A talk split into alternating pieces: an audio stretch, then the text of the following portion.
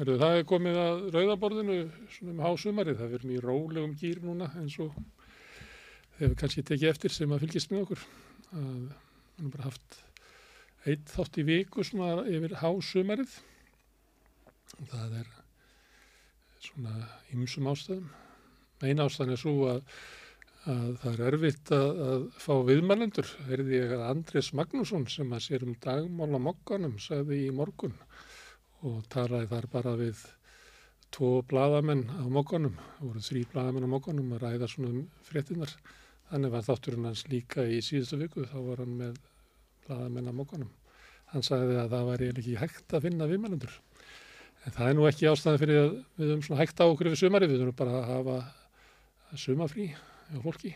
Við höfum ekki kannski burðið til þess að keira fullum krafti yfir hásumarið en við ætlum samt að halda fréttavefnum okkar gangandi eins og það hefur kannski tekið eftir. Að það er fullt af fréttu þar allan daga. Og hann fyrir vaksaldi, fleiri sem koma þar inn og sem lesa fleiri fréttir. Og svo erum við með nokkra þætti hérna, rauðan raunveruleika e, fókbaltasögu fyrir svefnin og fleiri þætti. Og rauðaborðið einu sinni í viku yfir ásumarið. Svo eftir vellanhelgi að þá setjum við allt í blús og samstöðun fer rýst þá upp sterkar en nokkur sinni fyrr. En þessir sumaþættir hafa nú eiginlega verið alltaf sama efni, það er eiginlega staðan á ríkistjóninni og alltaf sami gesturinn, Sigurjón Magnús Ílsson, fróðuminn. Er velkominn. Já, takk fyrir það. Þetta, ég beita í mig hérna í síðasta mánuð að hafa þetta sem framhalsuguna yfir sumarið Já, sem að ég ætlaði að fá þig til að hjálpa mér að segja sem að er, er staðan á blessaður ríkistjóninni. Nú er það eiginlega staðan á sjálfstæðslóknum eða ekki. Jó, ég, sko, fyrir þá sem hafa á og stjórnmálum og þá er tilhengin til að ræða þau. Það er ekki eins og þingi sem fyrir bara í hálsás frí og, og var enda rekið heim þingið. Það var mikið nöldur í þingsal og það var bara þingi bara slitið og allir heim. Ríkistjónin tók öll máli sín, Já. setti hann í törsku og fór. Já, einmitt þannig sko. Og eh, þess vegna er staða stjórnaranstæðinga er raunverulega auðm sko. Þeir eru búin að leggja ykkur mál fram og þeir eru konin í nefnd og það verður að kalla gesti til að ræða innihaldið vitandi það að verður aldrei neitt úr þessu. Það er sko, við kannski eitt þingmannamál á ári sko. sem fyrir gegn. Já, Svo er náttúrulega verið að vinna með uh, önnur mál uh, sem að ríkistjórnin hefur lagt fram í nefndunum. Já, En það sem að gerist þegar rí- þingi slitið að þá er byrja, þarf að byrja málið upp á já, nýtt. já. Þetta er bara svo slönguspili, bara Já. renna aftur á byrjunarreitt. Þegar þú varst í þinginu sem, Mm. ekki þingmaður, Nei, þing uh, fréttamaður, já. var ekki þá komið fram til að um að hérna breyta þessu þannig að mál sem að væri komin til annar og þriðju umræðu eða inn í nefndinar mættu byrja þar að hausti. Jú, er, er þetta ekki búið að vera bara árlega bara í ára tíu, sko? Ég held þetta ég kannski ekki árlega en þetta er oft lagt Já, til já, já, mjög oft, sko. og er svona það sem heitir bara no-brainer. Þetta er algjör vittleis að hafa Já, þetta já. eins og þetta er. Já, já. En þessi Og- samt er þessu aldrei breytt. Já, og svo er þetta eins og, sko, fyrir hinn venjulega þingmann, þá er þetta svona eins og atvinnubóta að vinna að vera þarna, sem sagt, með málið sitt og fá, fá hjálp við að semja kannski, Já, já. eh, hérna, frumvarp. Svo stranda flest málinn, Já, og, þau fara ekki að fá ekki ágreifslu, þeim ekki hafna þessu, þau bara nei, stranda. nei, ég segi það, þau er bara ekki rætt fyrir eitthvað. Þetta er svona svipátt að vera skipasmiðastöð Já, og svo væri við, að smíða skuttóra. En svo að því að við náðum ekki að klára fyrir vestlumhelgi, að þá verðum við bara að byrja upp á nýtt. já, Í september. já, já, já, já. Þetta er náttúrulega... Já, þá er bara hitt dreigið í burtu Já, og sögt. að búa að gera já, búa að gera Já. kjölin og eitthvað svona Já, bara pst, byrja upp á nýtt hérna já, þetta er náttúrulega ekki eðlileg vinnubröð. Nei, Fyrir einhverju síðan þá var ég að vinna hérna svona eh, ganni mínu um, uh, skipasmiðastöðarnar sem að voru á Íslandi og, og hérna Jón Svinsson sem átti Skipavík, nei, hvað, er þetta? Stáls, stólskip. já, Nei, nei, í, í, í Garðabænum. Já, ég með ekki. Nei, en þeir, eh, sko, hann sagði í viðtali að kótakerfið hafi, sko, drepið skipasmiðarnar, smiðunar sem voru í Íslandi, Já. það var Seyðisfyrði, Stikisólmi, Mm. Reykjavík, Hafnafyrði, Garðabæ, Mm. að, að þetta hafi bara drepist með því að það er fors, eða, sko, var eins mikið þörf fyrir skip og það er ekki nógu mikil til að halda uppi. Já, Það var svona náttúrulega akkurringar Það kannski smíðu fleiri skip en allir aðrir. Það er að fækkaði skipunum já, já, já, já, og það er það einn stóru kiftu upp innan litlu og smátt og smátt að hurfu bara öll skip úr höfnunum. einhver tíma þegar við vorum á, á pressunni eh, bróðir, þá skrifa ég frétt um það að, að eh, sko sjóme, það var þetta að selja sko skipi sín í því, og, og sérstaklega litlu bátana, Já. það var hann að eimskisportin í Hafnafyrði, tókum mynd af því það var alveg tíu plassbáta og sama tíma sko var að vera að smíða hann hjá trefjum í Hafnafyrði annars þar var að smíða nýja báta fyrir þess að sömu menn. Ef einhver svo fínt, fínt fyrir úrreldinguna að þeir bara fóra á nýja bát í staðin sko. já, þannig að, að þetta var svona ringa ekki að tóm vitlesa eins og stundu vill verða. Já. Það má að deilum sjá- það, það má deilum það. Þetta er til dæmis ennþá í Nóri, þegar að vera að tala um þessi útgerðin í Nóri þessi ríkistyrt, þá er þetta eina sem er hæft í því að þeir eru með úreldinga sjóð Já, og það er hugsað sem svona öryggisatri, að sé, menn sé ekki á gömlum mandráfsfleitum, þannig að menn fá stuðning til þess að, að úrelda og byggja nýtt. Og þetta er eiginlega eini styrkurinn sem er í já. en eh, ég veit ekki alveg hvort að hvernig er skattamálinn í útgerðinu í Nóri en til dæmis útgerðinu í Íslandi borgar ekki nei. sem að þætti nú að vera hérna, þetta er, er nú verið að tala um styr- ríkistyrk til ferðarþjónustunar með því að hún sé með 11% en ekki 24 Já, heinir er í uh, bara sírum. eru með 0 Já. Herðu, er- við ætlum að tala um og það er hérna- eiginlega Brynja Níelsson Það er ránfuglinn við já, hálendisbröð. Brynja Níelsson, hann er eiginlega áttu útspilvikunar Já, skrifaði grein og viljan sem hann sagði að vera eini borgarlegi vettvangurinn, já, vefurinn. vefurinn. Já, hann sagði ekki, sko, hann að mokkin kannski fellur þeim megin líka og viðskiptaflæði. Já. Og viljin, við verðum líklega að segja það, að viljin er uh, málgagn uh, Björns Ingar Hapssonar Já, sem að lá lengi í dvala mm, eftir svona eftir COVID, hann hefur verið þreyttur. COVID og ímislega fjárhastlega erfileika sem hann hafði gengið. Já, En sem að vaknaði núna upp uh, akkurat þegar uh, sama tíma og við byrjum að tala saman þegar kom, já, já, já, já. þegar kom Ég svona... heldur honum sér stemt gegn okkur eða það. Nei, nei, það held ég ekki. Sem að þegar það kom í ljós að það væri komin svona skjált í ríkistofnina og einhver möguleiki á uppstokkun sem að Já, ég held að menn svona hægra megin hafi mjög sterka tilfinningu fyrir að það sé eitthvað að fara að gerast. ég held að Bjarni sé að missa þetta út úr sér. Já, Að hann hlustar ekki nógu vel, sko, nei, á það sem er að gera eh, umræðin í flokknum og flera. Og samt eru búin að ringja svona viðverðum bjöllum, sko. Óli Björn hefur svona nálgast þetta. já, Nú Arnar eh, Þór Jónsson sem er náttúrulega fyrsti varamaður Bjarna í, í kjördæminu. já, hann er náttúrulega með svo sérstakka stöðu að ég held að, Já, var ekki með fundi samt inn í sjálfstæðiflokknum með hugsalega stopnin á nýju flokki. já, hann var svona hluti af þeim fundi, það var ekki beint svona maður sem held fundin, hann bara Nei. tók þátt í honum. Já, þess þá heldur, þá er hann Já. ekki einn Nei, nei, um þetta. Nei, nei, nei, og þetta verið sagt um Bjarnar lengi, hann hlusti ekki á flokkin. já. En Ég held nefnilega sko verkefnum Bjarna sem sé að fjarið því lokið sko. Og þetta stemdi í rétt átt hjá honum með, með að selja þarna hluta í Íslandsbanka. Hann á eftir að selja meiri honum, hann eftir að selja í landsbankonum. kemur því ekki gegn. Nei, það er sko, það er verkefni hans. Ég var að- ég hef alltaf lítið Bjarna sem þannig. Hann hefur bara, Það sendur hann inn af, Já, ríkum mönnum sem vildu eignast banka og fleiri. já, já, já, og, og vildu eitt og annað. Og hann er búin að vera sko, verja kótakerfið, til dæmis, stjórnaskrána, Passa það að það sé ekki hækkaði skattar á fjármagn og, til dæmis. og. Hann gaf eftir hérna 2% úr 20 upp í 22. Ja, hann hefur lækkað skatta, hann hefur feltað alls konar aðflutningsskjöld Já. og eitthvað fleira. Svo er eitt sem er kannski, sem er alltaf lítið fjallað um. Mm. Uh, Hérna, Þórður Snær, sem er núna heimildinni, hann hefur nú fjallað svolítið um þetta, Mm. sem eru þarna til dæmis eins og nýsköpunar Já. styrkinir. Það sem að rennur út úr ríkisjóði Já. yfir 10 miljardar. Ég hef nú ekki séð tölur, ég held að það hafi verið fyrra hafi farið vel yfir 10 miljardar. Já, sem er þannig að, að, að búa að leggja niður svona styrkina í gennum nýsköpunarsjóð já, og í staðin þá geta fyrirtækin bara sótt sjálf um uh, styrki já, og það hefur verið, verið svona opinn tjekki því að, að, að sko mörkin á því að fá styrk til nýsköpunar eru svo víð að, að menn sem eru bara endun í að bílaflottan eða liftaranna og lagarnum eða þróa einhverja vörulínu eða eitthvað slúið geta sótt um svona já, sem að mörgum kannski kann að finnast að vera bara svona eðlilegu hluti af að að Þeir lögðu niður nýsköpunarmiðstöðu og svo er annað líka. Stykja þetta svona, þetta eru miklu herri peningar.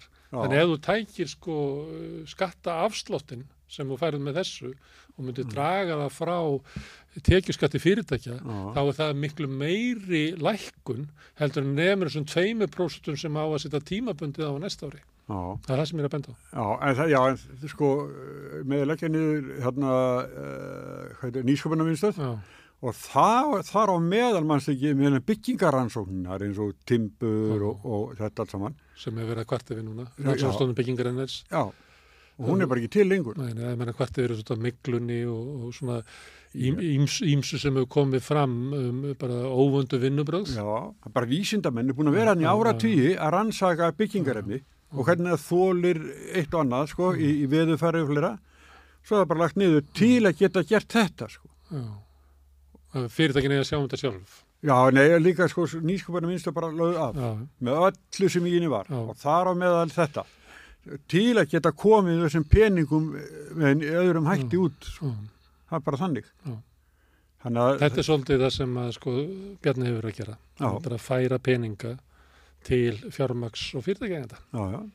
Og þetta er alveg og, og svo miklu fórna, það er það sem ég ætla að segja Mm.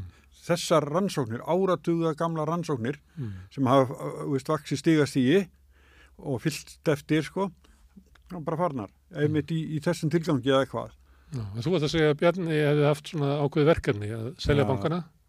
Já, selja bankana, helst luta landsvirkjun, og, en svo líka spila vörnina. Það er kvótakerfi, það er krónan og það er hérna uh, stjórnarskráin, alveg sama mokkinni og, og Óskar Magnússon upplýst á sínu tíma af hverju þeir kiftu mokkan. Það er einmitt til að verja þetta og þá náttúrulega flokkurinn er til að slíka, eins og þú sérð bara umræðan um, um uh, stjórnarskrána síðast, að, að Katrín Jakobsdóttir þurft að þóla á nýðurlægingu að vera ein með breytinga, leggja fram breytingar á stjórnarskráni sem dó reyndar í nefnd eins og þingmannum mál, sko, nýðurlæging fórsættisráð þar var mikil. Mm. En ákveð að segja að Bjarni segja að klára verkefni, hann er ekki búin að ég, segja... er- nei, ég sé hann er ekki búin að klára. Nei. En þá endist honum úttalt til að gera það því að það komið svo upprýsa gegn honum í flokknum. flokknum. Það, Flokkurinn treystir honum ekki lengur til þess að koma þessu til skila þá, nei, af því að flokkurinn upplifir það að Vafki stoppi öll mál. já, Þannig að þú þekkir hann eh, Jónas Sigurgesson, útgefandi. já, ég, við þekkjum hann, hann vann með okkur eitt í mann. Eh, Hann skrifaði inn á veggi sinna á Facebook Já, hvernig stendur á því að, að Bjarni Benediktsson, eða hann sagði ekki Bjarni, fjármálaróðara, getur ekki lækka skatta úr því að matvælaráðara getur bannað kvalviðar. Og þá á hann við að, að hvernig stendur á því að Vafki getur farið gegn stjórnarsáttmálanum, þar sem að var ekki talað neitt um það var ekki talað um það. Nei, stoppa kvalviðar. En, en eh, Bjarni talar eins og að það hefur rætt um það mál í aðrandunum. Það stæði ekki til að breyta inn í sambandi við það.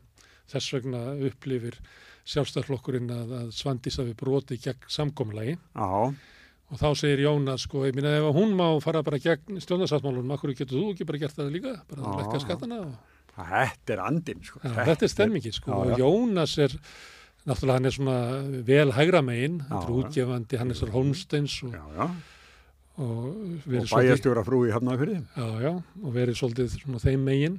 Mm. En mér finnst það samt aðeinsvert er að hann er byrjar að svona, senda svona pillur. Já, já, Því að hann er náttúrulega svona, hefur gengist upp í að vera svona glaðlindur og, og vel við alla og, kurtis í framkomu. já, já.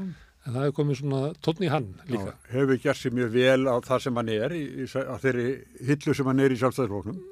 Já, hann er uh, sinni, við finnst hann nú alveg að vera að sinna bara eitthvað Hannesi og félugum. Þeir hafa gefið út hann að uh, Æjan Randbækunar. Gefið þetta fyrir einhver styrk frá einhverjum, einhverjum hugveitum í bandaríkjunum sem að auðvír aldraðir auðkífingar dæla peningum í það. Já, já, Mér finnst það hérna, ég veit ekki, ef þú færið þér stúdendagarðana og myndir lappa þar um og skoða hvaða bækur er í hillum þar, já, þá er það bækur eftir Æjan Rand sem er þar mest ábyrrandi. já, já, Þetta er eins og, þessu, þessu dreift bara eins og þarna, hvað hétt hann, Höppart, þarna sem að var með hérna einhverja kirkju, dreifði bókunum sínum út um allt. Þessu dreift er svo trúaritum, sko. Ég veit já, ekki hvort að fólk lesi þetta helviti. En hann hefur verið í þessu, Jónas, og Já. gefið út Þessi En- endalus rít sem að, sem að hérna, Hannes sendi frá sér. Já, já. Og það er komið þannig að eh, sko svona nafntóðaðir eða eh, nafngreindir allana mm. sjálfstæðismenn er að tala gegn áframhandlunir í svona samstarfi Já, og það verður Bjarni að taka til sín. já, Hann er náttúrulega sko þeirra formaður og hann myndar þessa ríkistjórn. já. Ég myndist þarna síðast á hérna, podcastið þarna, hlað, þarna, hlaðvarpið hérna, Ekki dagmál. nei, hvað heitir það, þjóðmál? Já, Og svo er dagmál Dagmál dagmál alveg eins, sko, þetta er heila sama, þeir eru bara sömu menninir að tala við já, það er bara já. mismöndi hverju stjórnandi. Þar eru til dæmis Gísli Freyr, uh, Valdursson, já, fyrirvændi aðstofamæður Hönnu Byrnu. Byrnu, sem að var dæmdur fyrir að, að leka upplýsingum, viðkvæmum upplýsingum um flottafólk Já, og Stefán Einar sem var um skamma tíma formaði vafer já, hefur fengið við nefnið síðlösi síðfræðingurinn, það er oft eh, talað um. já, Og þetta eru menn sem eru svona harðlínu sjálfstæðismenn. Aha. og eru kannski svona lín, ég veit ekki hvað lín þetta er sko, eitthvað svona milli Óla Björs og Hannesar Holmsteins eða eitthvað, ég veit ekki. Já, það er svona Já. Davíðs eitthvað. Já, Davís svona, Já, já. Þeir tala bara eins og að ríkið bara sé bara næstu í lífspursmál fyrir sjálfstæðalflokkin, að þessi ríkist bara hætti. Já. Mm. Ákveður ekki bara kosið í, að hérna, ekki bara þessar ríkistjóð bara slitið og kosið, þannig að fólk fái bara að, að kjósa og veita nýri ríkistjóðn umbóðsitt. mhm, Þannig tala þeir og sem að sömuleiti er náttúrulega rétt mat því að ríkistjóðin er búin að tapa innigni sinni mhm. og umbóðinu, já, já, veist, því að eh, það gerist bara þannig, þú fær eitthvað umbóði upp að kostningar og svo ferða, svo missur það eitthvað niður, þú getur ekki sótt aftur, sko. neini, Þannig að svona tala þeir. já. Og þeir, sko, þeir konir upp á yfirborðið, margir, sko, er að tala um þetta, Já, sem að hlýtur að, að særa bjarnar talsvert já, og, og já, veikjan. Og en svo framsókn er aftur bara andfann eitthvað stað og, og, og Vafki, sko, það er náttúrulega eins og sumarfrí, Fanni sko. sem að eh, kemur núna Katrín, hún samtíkt þetta áður en að kynnti til ríkistjórninni já.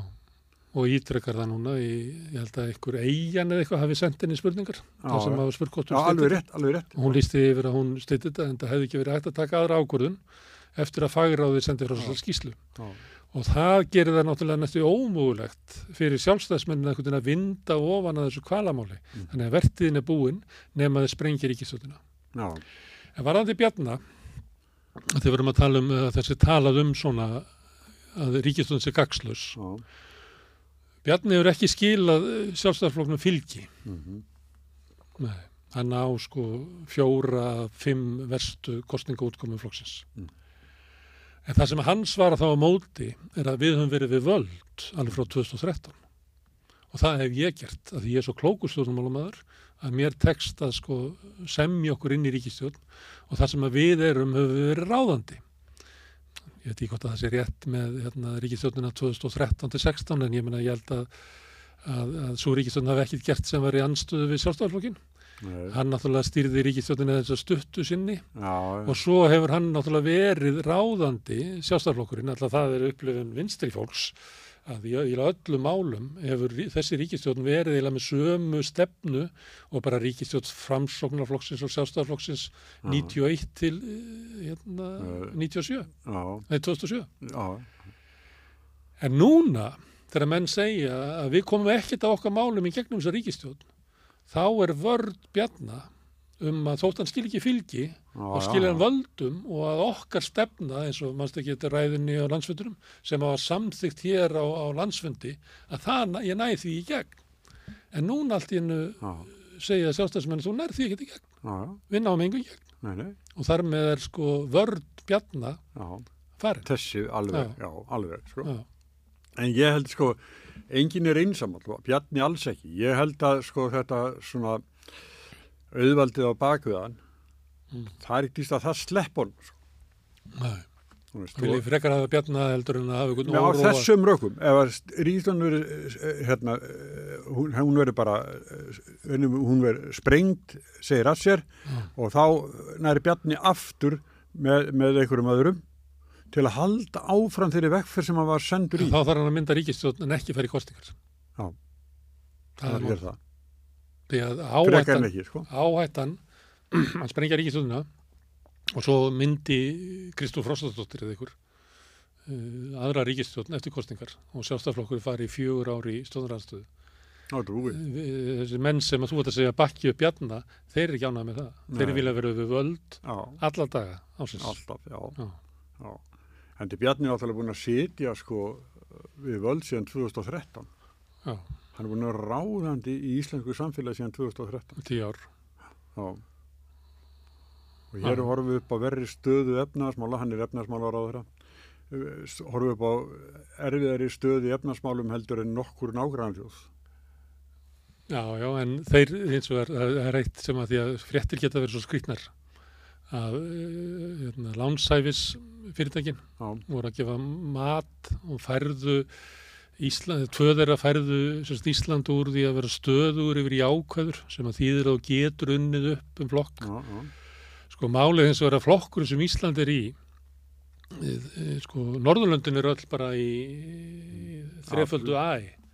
En Ísland er hann eitthvað í A plus og leiðin er sko hérna A plus, AA, AA mínus, það er svo Já. margir flokkar, þannig að Já. Ísland er kannski í, í sko átta flokkum neðar heldur en Skandinavíu. já, En þetta er aldrei fjallað um þetta þegar það var sagt frá þessu, það er bara sagt eitthvað svona stórkostlu sigur já, já, að hérna, Ísland færist upp og svo þegar maður les út af hverju er það, af hverju er það að ferða upp það er út af gríðarlugu gjaldir í sinnstreymi út af ferðamennum, Já. ferðamennum komnir aftur og það voru jákvæðir í staða já, og það er meiri tekið til ríkisjóðs þannig hallin á ríkisjóði minkar annars verður út af sko, túrismannum, út af þenslunni og út af verðbólgunni af því að hérna megin í ríkisjóðu tekjurnar mhm, og þær rýsa upp í verðbólgunni hérna megin ertu með útgjöldin mhm, og þau eru ákveðinu fjárlögum og þau rýsa ekki sjálfgræða sko.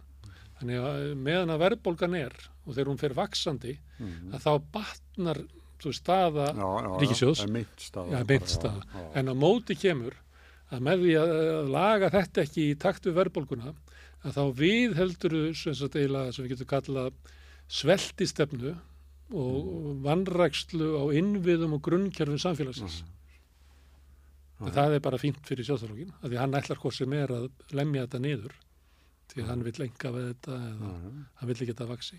Og það síðast sem heyrist frá formanni Framsunaflóksins, eða hvað er þetta bara tilkynning á bíla, hann, að e, samgöngu áallunum hans, Já, hún er sett í pappistættaran. já, já, Það er bara búið að stoppa malbygguna á árinu til dæmi, sko, já, sem er alveg galið, sko. já, Það er hlutill eins og kringvírabröðinu í rigningu, það er bara svipa og vera sko, keira skip á móti norðan roki, sko.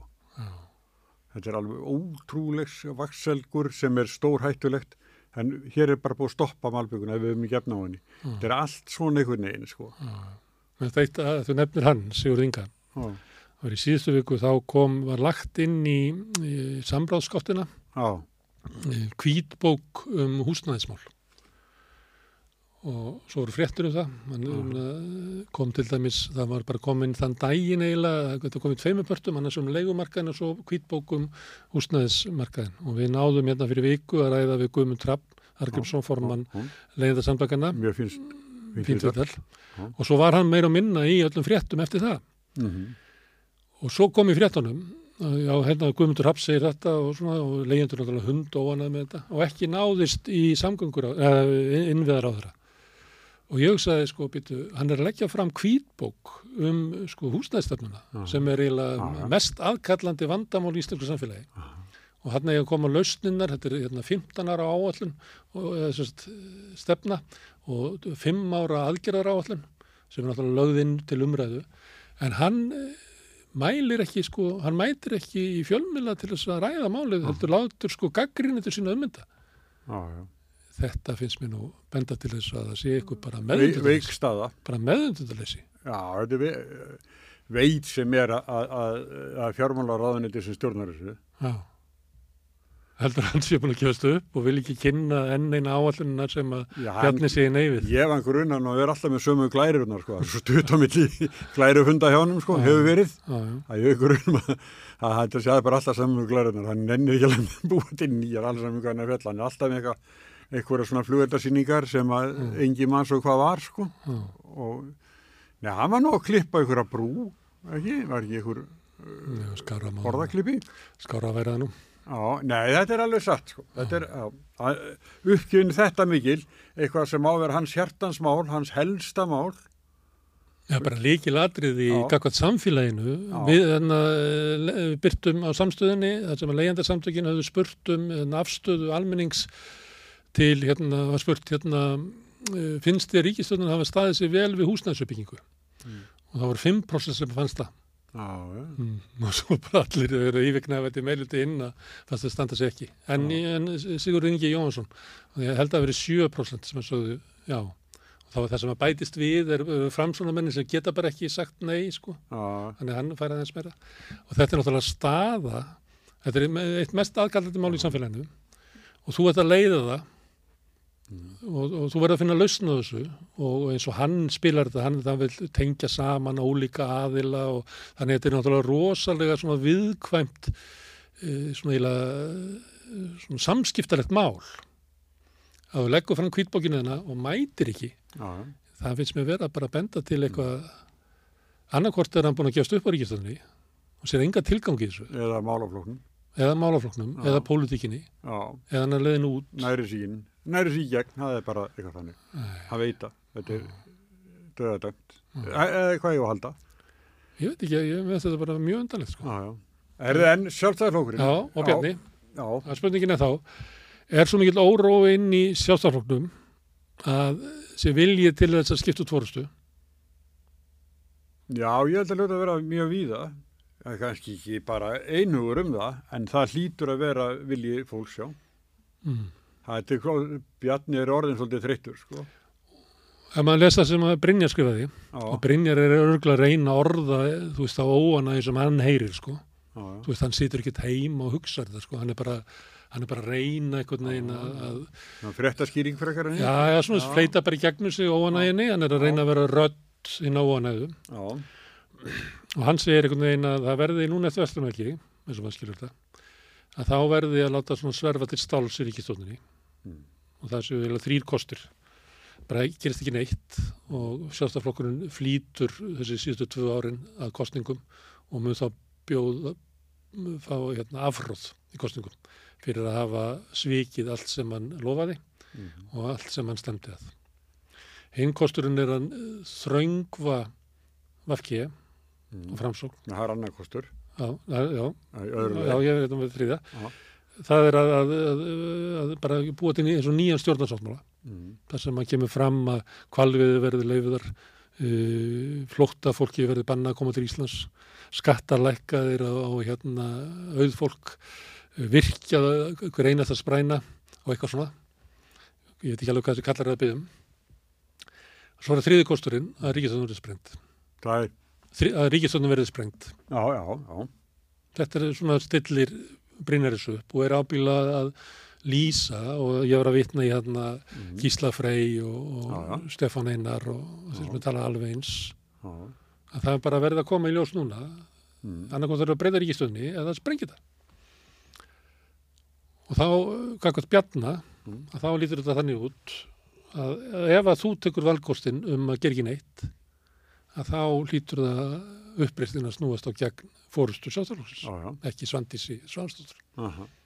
ekki? Það líkur að vera. Það lítur að vera. Það er bara annað er ómögulegt. Ó, Það er nú farið mjög lítið fyrir bjarna á þessu sömri. Eflust bara á vindsængi ykkur staðar. Nei, hann fór að lappa á fjall, hann kemur fram í vitalinn hann af Gísla Frey, Já, hann var að koma á hann okkur í fjalli. já, já. já. Koma fjöllungallin, sko. Já, það er fínt, sko. Það er fínt sport. já, Það er hinsar hugan svolítið. já. En hann hefur ekkert gert neitt í pólitík eftir það, ekki sem við vitum, ekki sem við sjáum. Nei, Ég veit, kannski er hann að reyna að lægi öldurnar eitthvað í flokknum, ég veit það ekki. Mér fannst það, hann var að vera, það sem að mér fannst aðteglisverðast í þessu samtali var að Gísli Freyr spyr hann, hann var nú ekki mjög ágengur spyrill að vera að segjast, en hann spyr hann að hvort það verði ekki einhverja afleiðingar varðandi ákvörðun Svandísar mm. sem að sko sjálfstæðarflokknum fór mjög illa í þinglokkin Já, og sjálfstæðarflokkur upplifið það að það sé bara brota samkomulega flokkana, það átti ekki að breyta þessu. Mm. og þá segir hann að það hafa orðið afleiðingar. Já, Býtu, hver eru þær? Já, það er bara eitthvað óanægja og eitthvað svona og bara líst þá yfir að, að hérna, sé orðið trúnaðabrestur og milli svandísar og, og. Ég las þetta inn á, á xd.is í morgun, sko. já, Uh, Vital við Bjarna. já, Það, er þetta líka, sko. já. Já. Ok, og, og, hverjir eru afleðingarna þá? Alltaf þegar bara allt sem að Svandís leggur fram hérna í frá mun sjálfstæðarflokkur vera á móti, eitthvað svoleiðis. Það hefur farið í eitthvað svona asnaskap. Ég, ég kann ekki að, því að svo er hann spurður og ég meina, hérna, en verði ekki meiri afleðingar, segir Gísleika. Og þá segir Bjarni, afleð, þú hefur séð afleðingar, það er hafa komið fram, það verði ekki frekar afleðingar, sem er þá spurningin, við munum ekki leiða til þess að við springir ekki stundina. Nei, afleðingar komna fram. Og hverjar? Ég, það sem ég á svo erum með að skilja. Og hann ekki þráspurður þarna? Nei, hann var ekki þráspurður í þessu vitali. Nei, nei, nei. nei. En eh, það er eftir okkur ekki það, sko. Hann, eh, það sem ég las í morgun, að þá er hann svona að tala á sömu nótum, sko. já. En það er ekkit, Var ekki bara vitna í þetta spjall? neða, það getur vel verið. Já. Það, það hafi verið bara hluta því. Já, það var einn ein, ein svona fréttin á xd.is, eða hvað það heitir í Já. um þjóðarsjóðin. Já, svo er það nú eitt að máli. Þú, þú nefndir, hérna, þetta er líkiladriði til þess að Bjarni geti náð að hérna, enga veða landsverkjun. Þá verður hann að koma á þjóðarsjóði, Já, því það er skref í áttina. Og þú fyrst sittur þú þjóðarsjóð og svo hérna, gengur frá arðgreislum ríkisins inn í þjóðarsjóðin með einhverju þeim hætti að það mætti líta á þetta sem svona auðlindagjald. Og þá segiru, býtu, skipti það nokkru máli hver á landsvirkjun ef að sko arðurinn á auðlindinni kemur hvort sem er inn í þjóðarsjóðin. Mm. Ef ekki bara enga veða landsvirkjun. Þetta er planið að spilna. já. Mm. Sem að ég held að uh, hann þurfa að hafa talsveit fyrir að koma því í gegn og, lí, og jafnvel líka í sínum eigin flokki. Að selja landsvirkjun. Já. Nú, hver er á móti því? Ég veist þetta er svona almenni hérna, kjósandi sjálfstæðisflokksins, ekki, ekki hérna, auðvaldi þarna á baki, Nei. en svona hinn venni, eða svona sko, sjálfstæðismenn eh, í það í samfélaginu, bara fólk sem er bara launað fólk og er að lifa sín lífi, Mm. að landsvirkjun er svolítið heilagt, heilög á ég að Já, segja. það voru mjög fáir sem að svöruðu bankasýslunni þegar hún spurði áður en að bankarnir voru seldir hvort þú vildir með eignarhaldið. Það voru mjög fáir sem að sögðu að þetta veri í engaegu og það er svo fáir að það eru ábyggilega margir inn í sjálfstæðarfloknum sem hefðu ekki viljað selja bankana. Já, já, Já, en hann seldi það samt. já, allt og snemt að fara í þetta, allt og. Og hann se, En selur svo líka eitt, að taka ákveðnum þetta smári, en svo að forklúraði svona eins og þetta, sko. Hvernig er þetta hægt? Ég, þú ert með, þú ert í heilugu stríði þegar, tilgangur er helgar meðalið, þetta er það. Sko það að við séum að selja bankan, við erum að fá bankan, fær menn bara til þess að gleyma öllu sko. Það er bara stemming á gólfinu, já, við erum að loksis að fá bankan, Bjarni er að koma með bankan. Gleymum því ekki að hérna ákveru, hérna mannst ekki eftir þólasmessupartíinu, hérna í, út hverju var það partí. Það var að því að það var þingi búið og Bjarni, hann var búinn að svo veist, tryggja okkur það að við fengjum bankan. Þess vegna var, voru allir auðmenn landsins í partí í ásmundarsvall. Já, Og en þess vegna... þetta var ekki sölusýning. Nei, nei, Nei. það partí. Þess vegna kemur Bjarni í partíið og þess vegna er Bjarni að fagna sérstaklega í partíinu. Já, Hann varð að vera í þessu partí af því að hann er að koma með bankan til okkar. já, já. Stjarnan. Já. Svo kom löggan Og tók hann. sem eru alveg. Herðu, og dósmannur á þeirra ringdi tvísvar á já. í lauruglustjóðan. Já, já. Fyrst um hátti og svo bara rétt fyrir klukkan já, já, sex já, að já. á var áslöðu arna Já, já, enn að já, nekla já, hvernig að koma sér út úr þessu. En hvað svo? Það bara skipt til lauruglustjóra. já, já. Það var margið fórna miklu til þess að verja hann. Já, já, Mm. það er það. En þannig að staðan í sjálfstæðisfloknum er eh, sko svolítið söguleg núna. Já, en má ég aðeins stoppa Já. aðeins við þetta hvernig honum tekst, ef við segjum já. að sko meiri hluti sjálfstæðsmanna hafði ekki sest, eða svo, ég segi ekki meiri hluti sjálfstæðsmanna, ég myndi segja kannski alltaf að þrýðungu sjálfstæðsmanna hefði ekki viljað selja bankana, Já, hefði verið spurður. Samt tekst honum það og rökin eru þau, við, er ekki betra fyrir okkur að taka hana miljard sem við eigum, eða hundra miljardar sem við eigum þarna og nota þá í, í eitthvað uppbyggingu. Og þannig svona legur þetta, þú, þú verður kannski ekki alla til þess að trúa þessu, við þessu, að hérna, en þannig legur stór hlutið af þessu í gegn.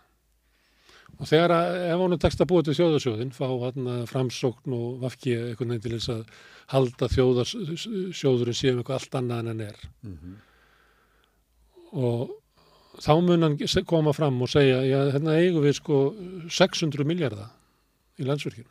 Er ekki bara að losa það og byggja grunnskóla eða eitthvað? þau er byggi, það er, það er svitafjölinn.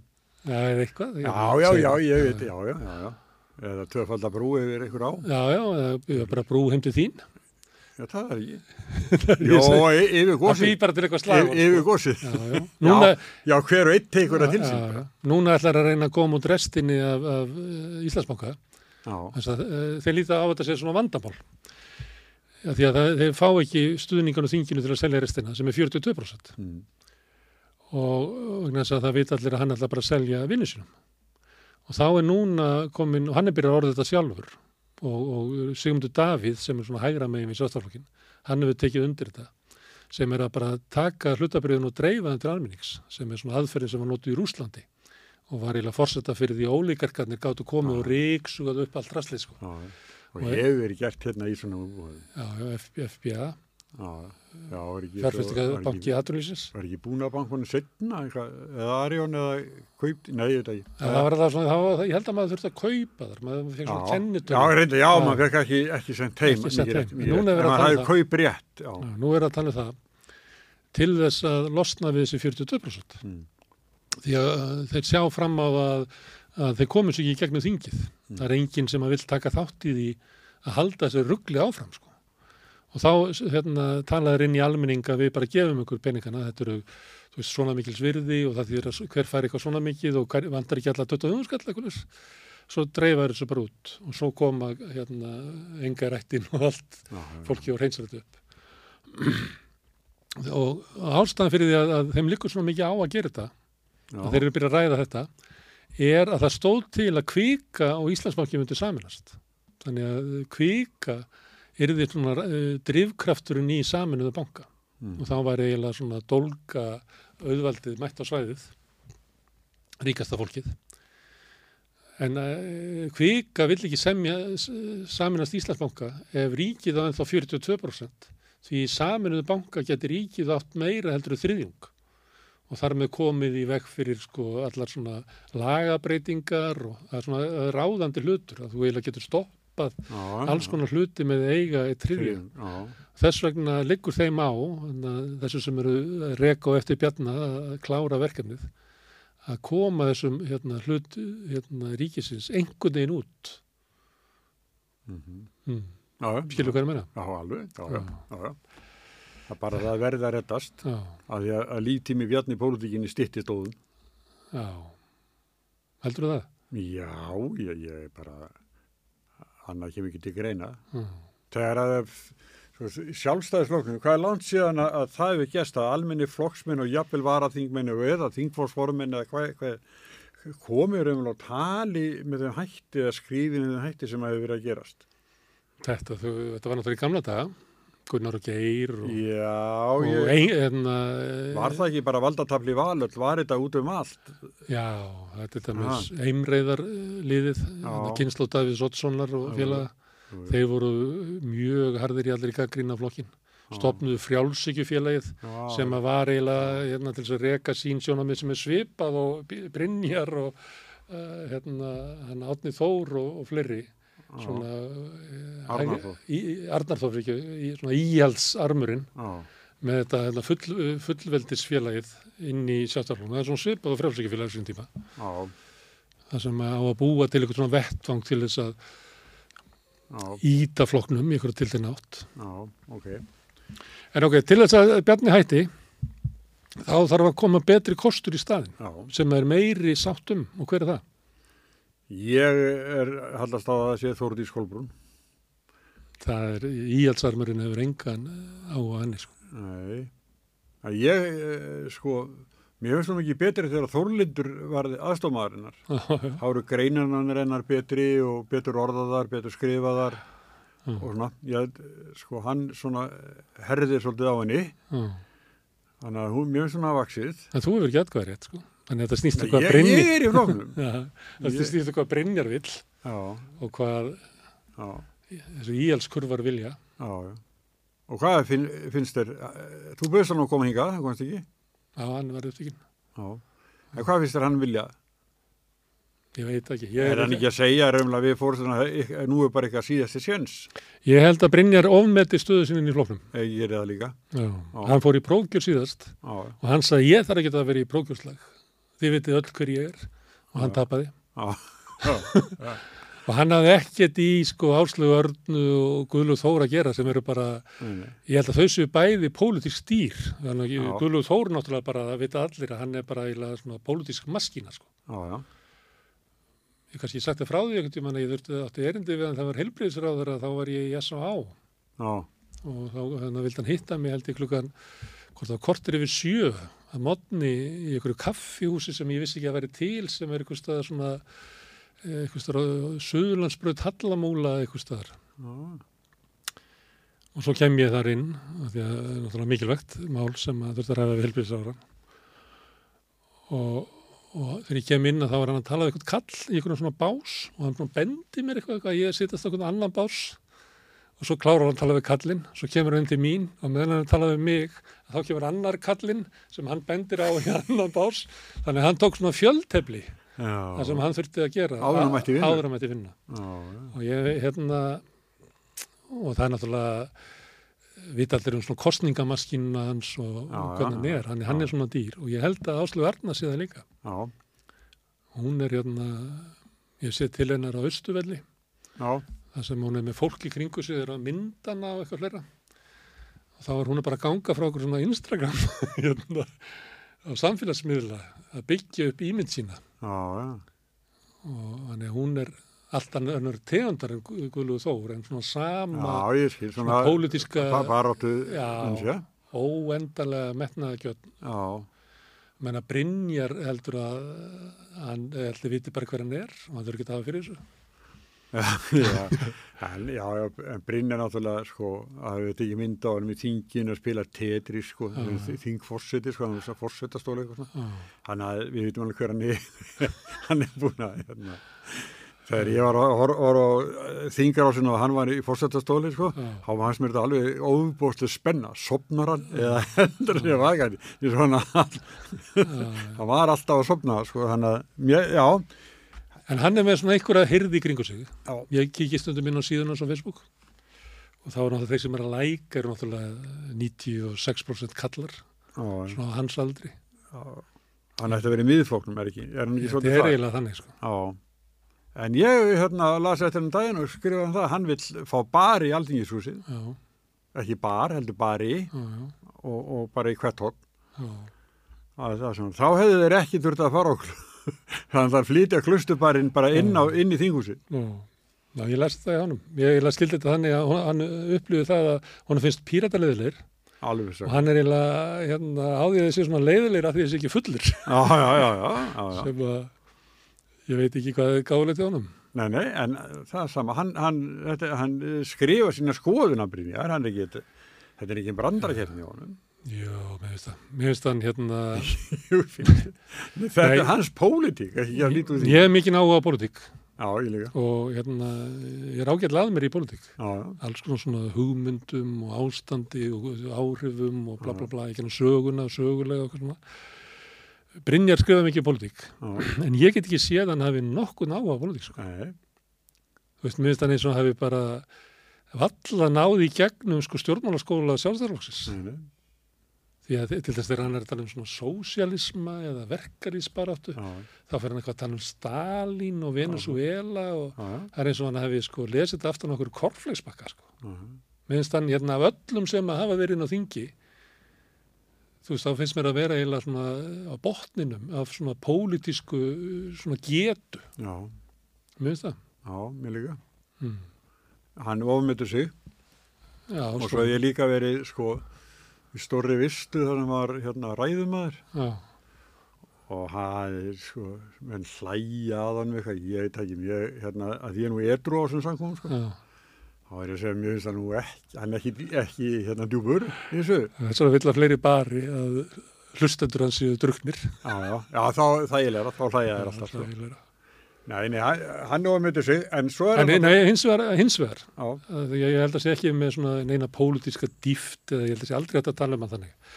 En að einhver leiti, stundum er það þannig að sumir, suma típur eru þannig, þess að við erum að segja hann vilji vera svona rödd einhvers, mm, að það kemur oft svona fólk svona sem orðar eitthvað sem að margir hugsa, já, þó svo að sé ekkert svona ígrundaði í neinu samingi eða eitthvað. Hann er svona fúll, hann er svona óanæður með, hann er svona talar eins og Kristján Lofsson um þess að hérna, öfga kommunista lufsu í ráðuneytinu já, já, sem er svona tungutak og orðfæri sem er svona gamlir kallar í sjálfstæðarflokknum nota um anstæðinga sína. Mhm, hann fyttar vel inn í það og í þeirra hópi hlægi allir að honum og inn á Facebook síðuna og svona. Mhm.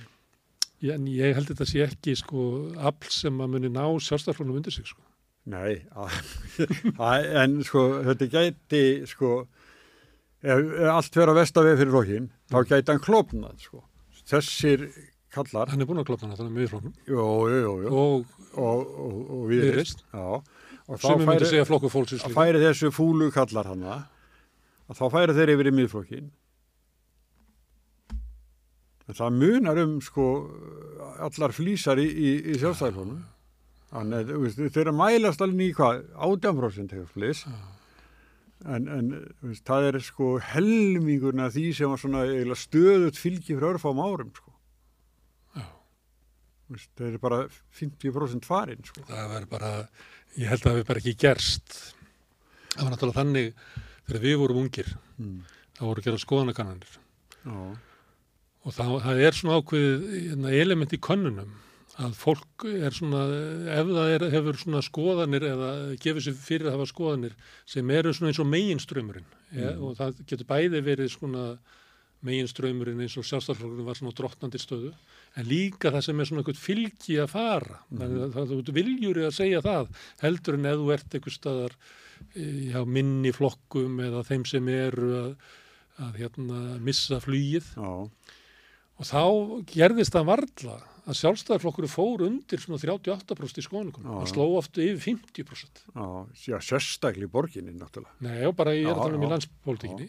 Hann bara gatt hangið í kringu 50%. Já, Og svo náttúrulega þegar það var kosið já, og það eru konar kostningar þá breytist þetta og hann var svona kannski 37%, 38% var bara hans góða fylgi.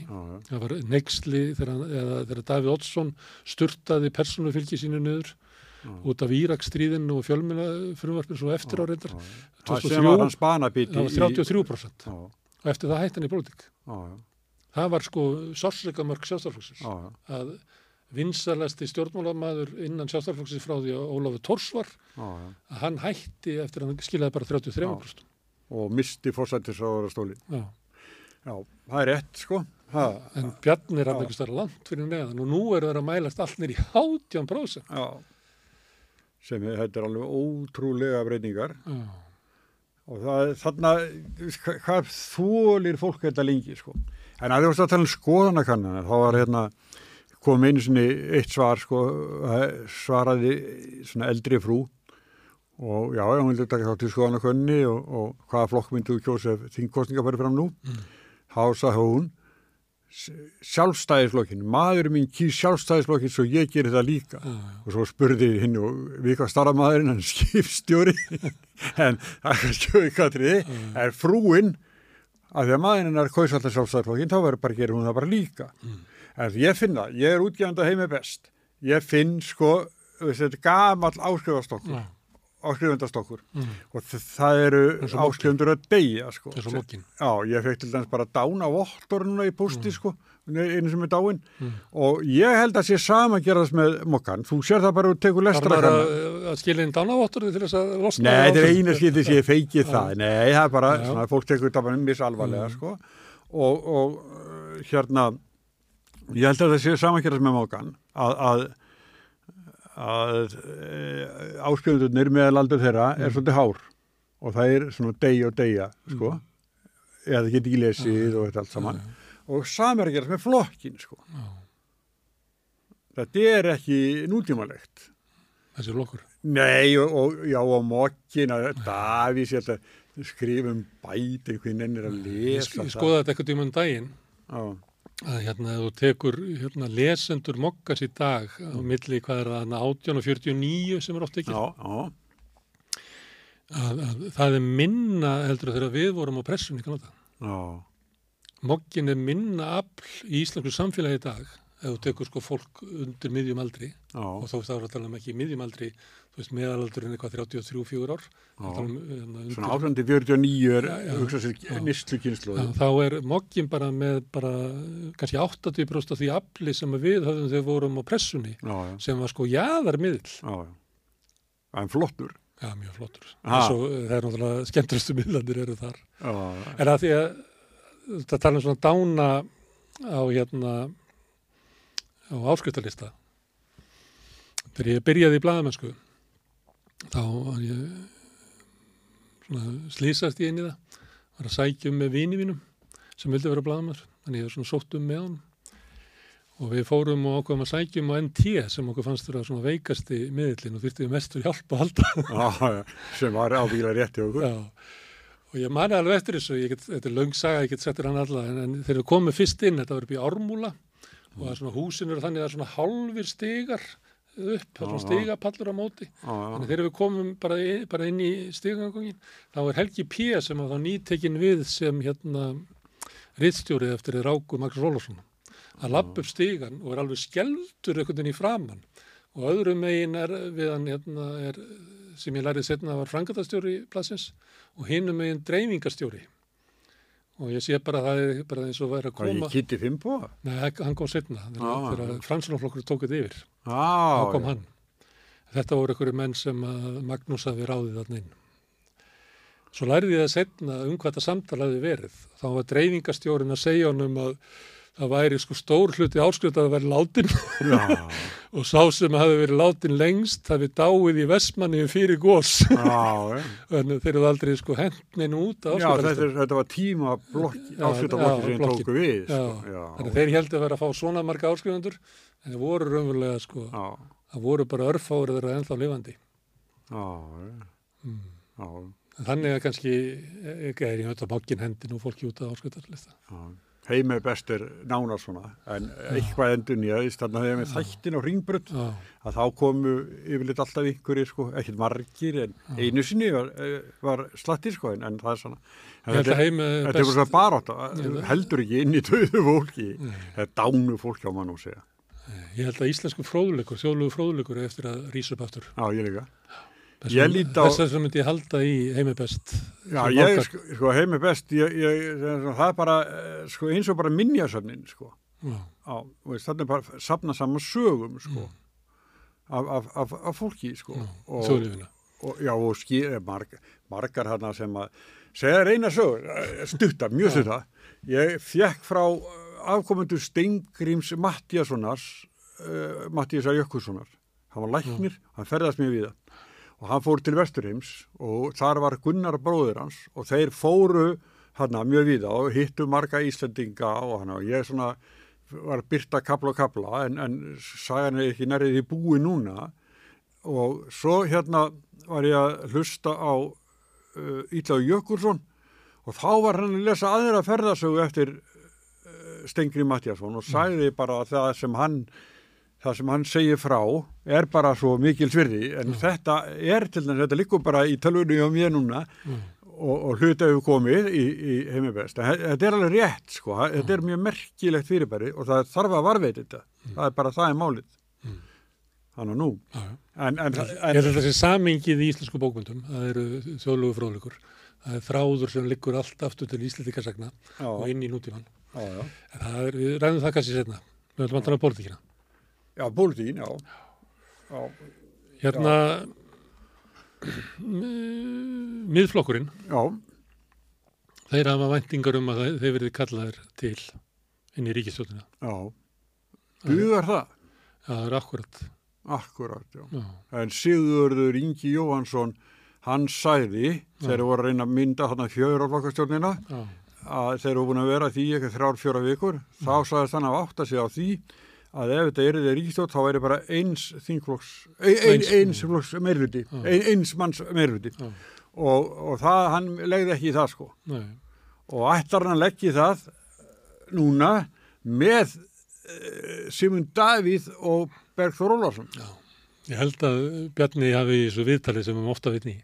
Hann adressaði þetta líka hann fór að rifja upp hann ríkistjóðina sem hann var stofna- stofnaði, sem var með mjög þunnan meirulta. Ég man ekki hvort það var einn eða tveir, ég held að það verið bara einn. Og hann sagði að það, þá lofuðu menn að e, myndu allir standa saman og enginn hlaupa undan sér þótt að er því gæfa á bátinn. En svo leið og fylgi fór, þá hlaupa allir í burtu. Já, já. Og mér fannst eins og hann væri eiginlega að adressa þessa hugmynd um að það væri möguleiki á því að, að henda vafki út og taka þessa tvo kalla inn. Já, Og þannig að menn eru í alvörinu að hugsa um þetta. Þetta er en flokk fólksins. Já, það er, ég náði að kíkja inn á Viljan sem við nefndust. Já, já, borgarlega veðmiðlin. Já, og þar var einhverja vangaveltur eftir hérna, Björn Inga býtti við en hann hét eitthvað kallin á kassanum eða eitthvað, svona nafnlust stálkur, ég regna með að Björn Ingi skrifið þetta var sjálfur, ég held að hann sé ekki að ráða einhverja pislam þetta. Og þar var eh, hugmyndin um það að taka inn, hérna, inn í ríkistjórnina Jakob Fríman Já, og Tóm, uh, Og svo, var- svo fannst mér þetta svo fyndið að ég ákvað að segja frá þessu á samstöðinni já, og svo var ég að sækja eh, þú veist, eh, bara hlekkin alltaf að vísa í, í hlekkin Já. að þá hafði hann þurrkað þetta út. Björn Ingi, þannig að ég náði að segja frá þessu sko já, sem hann síðan eitt var kannski einhver bara hringt í hann hvort það væri klikkað þegar halda það að við varum að mynda ríkistjón sem að hengi á Tómasi á Tómasinni Já, já. Tómasi að Tómasinni Já, Já, já, Jakob nei, Frímann. nei, þá, þá er það frá, ekki nefn flokkurinn bara allur, eh, er það ekki? Þú Nei, segir að miðflokkur sé hægri flokkur, já, hann er það já, en ef þú ert með tvo frá miðfloknum og bætir það upp með tvo aukakalla þá er þetta kannski komið nóg já. þá hefur engin einn Þetta er rosalega kvartið sem þú bjóðu upp á hana. þá hefur engin eitt sko neitunavaldið. Já, já, Þetta svona varð náttúrulega miðflokkurinn til, það bættust við þarna menn úr flokki fólksins, já, já. fóru þarna yfir hann sem er lög, lögga núna, hann, nei síslumadur í, í Já, já, já, Karl Gauti, Karlgóti, já, Ólafur Íslaus, fór, hann fór yfir eða ekki, jú. og voru það fleiri eða? Nei, það voru bara þeir tveir. Það voru þeir tveir, hann sem voru á klustubarnum, sem voru, voru þó penastir allara, sko. Já, Þeir tveir, þeir, þeir sögðu aldrei í líkingu við Gunnar Braga og, og þá, sko. og hennar hann sem er núna, hann Bergþór, nei Berg, Bergþór, hann, hann var ekki hérna. var hann- hann ekki? Ha, Jú, hann, jú, jú, jú, jú. hann var þarna með- ég ætla ekki að fara að Loksins eftir sko, já, ég, er ekki að fara þetta ég eftir. konu sem að, Já. við förum ekki lengur út í það, sko. Nei. Ha. Hann, hann var ekki þarna, þessi sem presturinn sem að fór svo yfir í sjálfstaflokkin. Nei, Birgir Andersson. hann. Nei, Birgir ekki, en ekki Andrisson. Nei, Nei, já. Birgir Andrisson. Það sem hjartan kæra sér tungunni tamasla því svona. Já, Já, já, hann er, já, hann var ekki hann. nei, hann var ekki á klustubarnum. Ég man þegar við hittum þá í Múlakafi.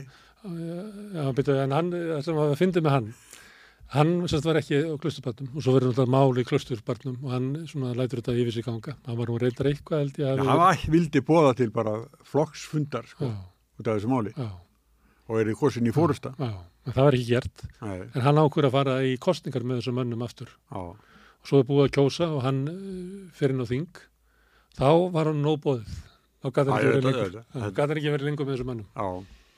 Guðfræðingurinn, sko, þetta, þetta var ekki alveg nógu síðlegt, sko. Nei. Hann blekti mjög marga, þúsundi fólks sem hann blekti. já, Ha. já, Hann ég, sleppur aldrei undan þessu. Það var bara á kostninganótt Já. sveiki Já. Ég- Ef að, sko, hitt er alltaf annað, ef að slæri brínu milli fólks bara á miðju kjörtímanbili eitthvað og, eins og gerði þarna, það það hætti miðflóknum sko. hann átti ekki að fara í frambóð með þeim. Auðvitað, já, Já, já hann, hann blekti, já, sem er ljótt, en hann situr í þingflóknum, já. Og hann er ástæðan fyrir því að, að sjálfstæðarflokk og fransunarflokk eh, þeim vant, eh, vantar bara tvo. Annars svona það vantaði þrjá, sko. já, er þá væri hann kortir í miðflóknum og þá auðsóttur þangað, En heldur að þetta sé óveikt að það sé ekki hægt að veðja á eitt og halvt ár í ríkistjórn sem að hangir á mönnum eins og Sigmundi Davíð? Nei, ég, það er bara, mannstu hérna áður fyrir með Stefán Valkjesson, sko, Já, hann uh, kom ekki inn í ríkistjórnum, hann fekk bara eitthvað, ég fann ekki hvað það var. Það var að stuðnismæður ríkistjórnar Stingri Sannmarssonar. fekk eitthvað svona var- formensku í byggðastofnun eða eitthvað. Já, hann var sko, mannstu, hann var með klopnisframbóð. Já, ég er að reyna að munna hvað hann fekk sko, hvað, hvað það Já, var, já. uh, hann hafði verið, Nei, já, voru ekki þessi sjóðir hérna sem já, að svo, hann fekk eitthvað sjóð sko, já, eitthvað sem að voru kallað sko skursasjóðir eitthvað. Það var eitthvað svona. sem enduði í frangatas, uh, frangatas uh, Nei, þetta er bara í, FBA, fjárfestingabanka aðlýsins, já, fóru þar allir inn. já, já, þessi já, hagræðingasjóðurinn og ég, En Þeir sögðu að Stefán hefði haft fylgi í héraði með því að hann fylgdist vel með já, þannig að þegar hann vissi að það var verið að afgreiða einhverja lánveitingu til einhverja rækju útgerðar í landsbankunum þá var hann alltaf undan að ringja já, og ringdi alltaf segir ég, hef búin að redda þessu fyrir Já. þig." herðu, þetta er tryggt, Já. já, já, hann hafði þetta orð á sér. Já. En, Þannig að eignar sér uh, hann skammaði sín ekki fyrir fyrirgreyslu kjörtama bót og fyrirgreyslu heldur eignaði sér meira heldur en hann átti Ég heyrði þá sögur sko að Lárus Jónsson sem var fyrsti þingmaður uh, sjálfstæðisflokksins þá í kjörðaminu Já, hann segir svona, já já, hann guðmundur ykkur að það, Mm. ég hef búin að tryggja hann að framlengi og þessu viksli sem er hann alveg lífandi að drepa sko, já, þá raukinn í síman sætt guðmundur, Stefán Valkjörn hérna, heyrðu, ég fór bara í þetta máfi það var eitthvað svona. Já, já.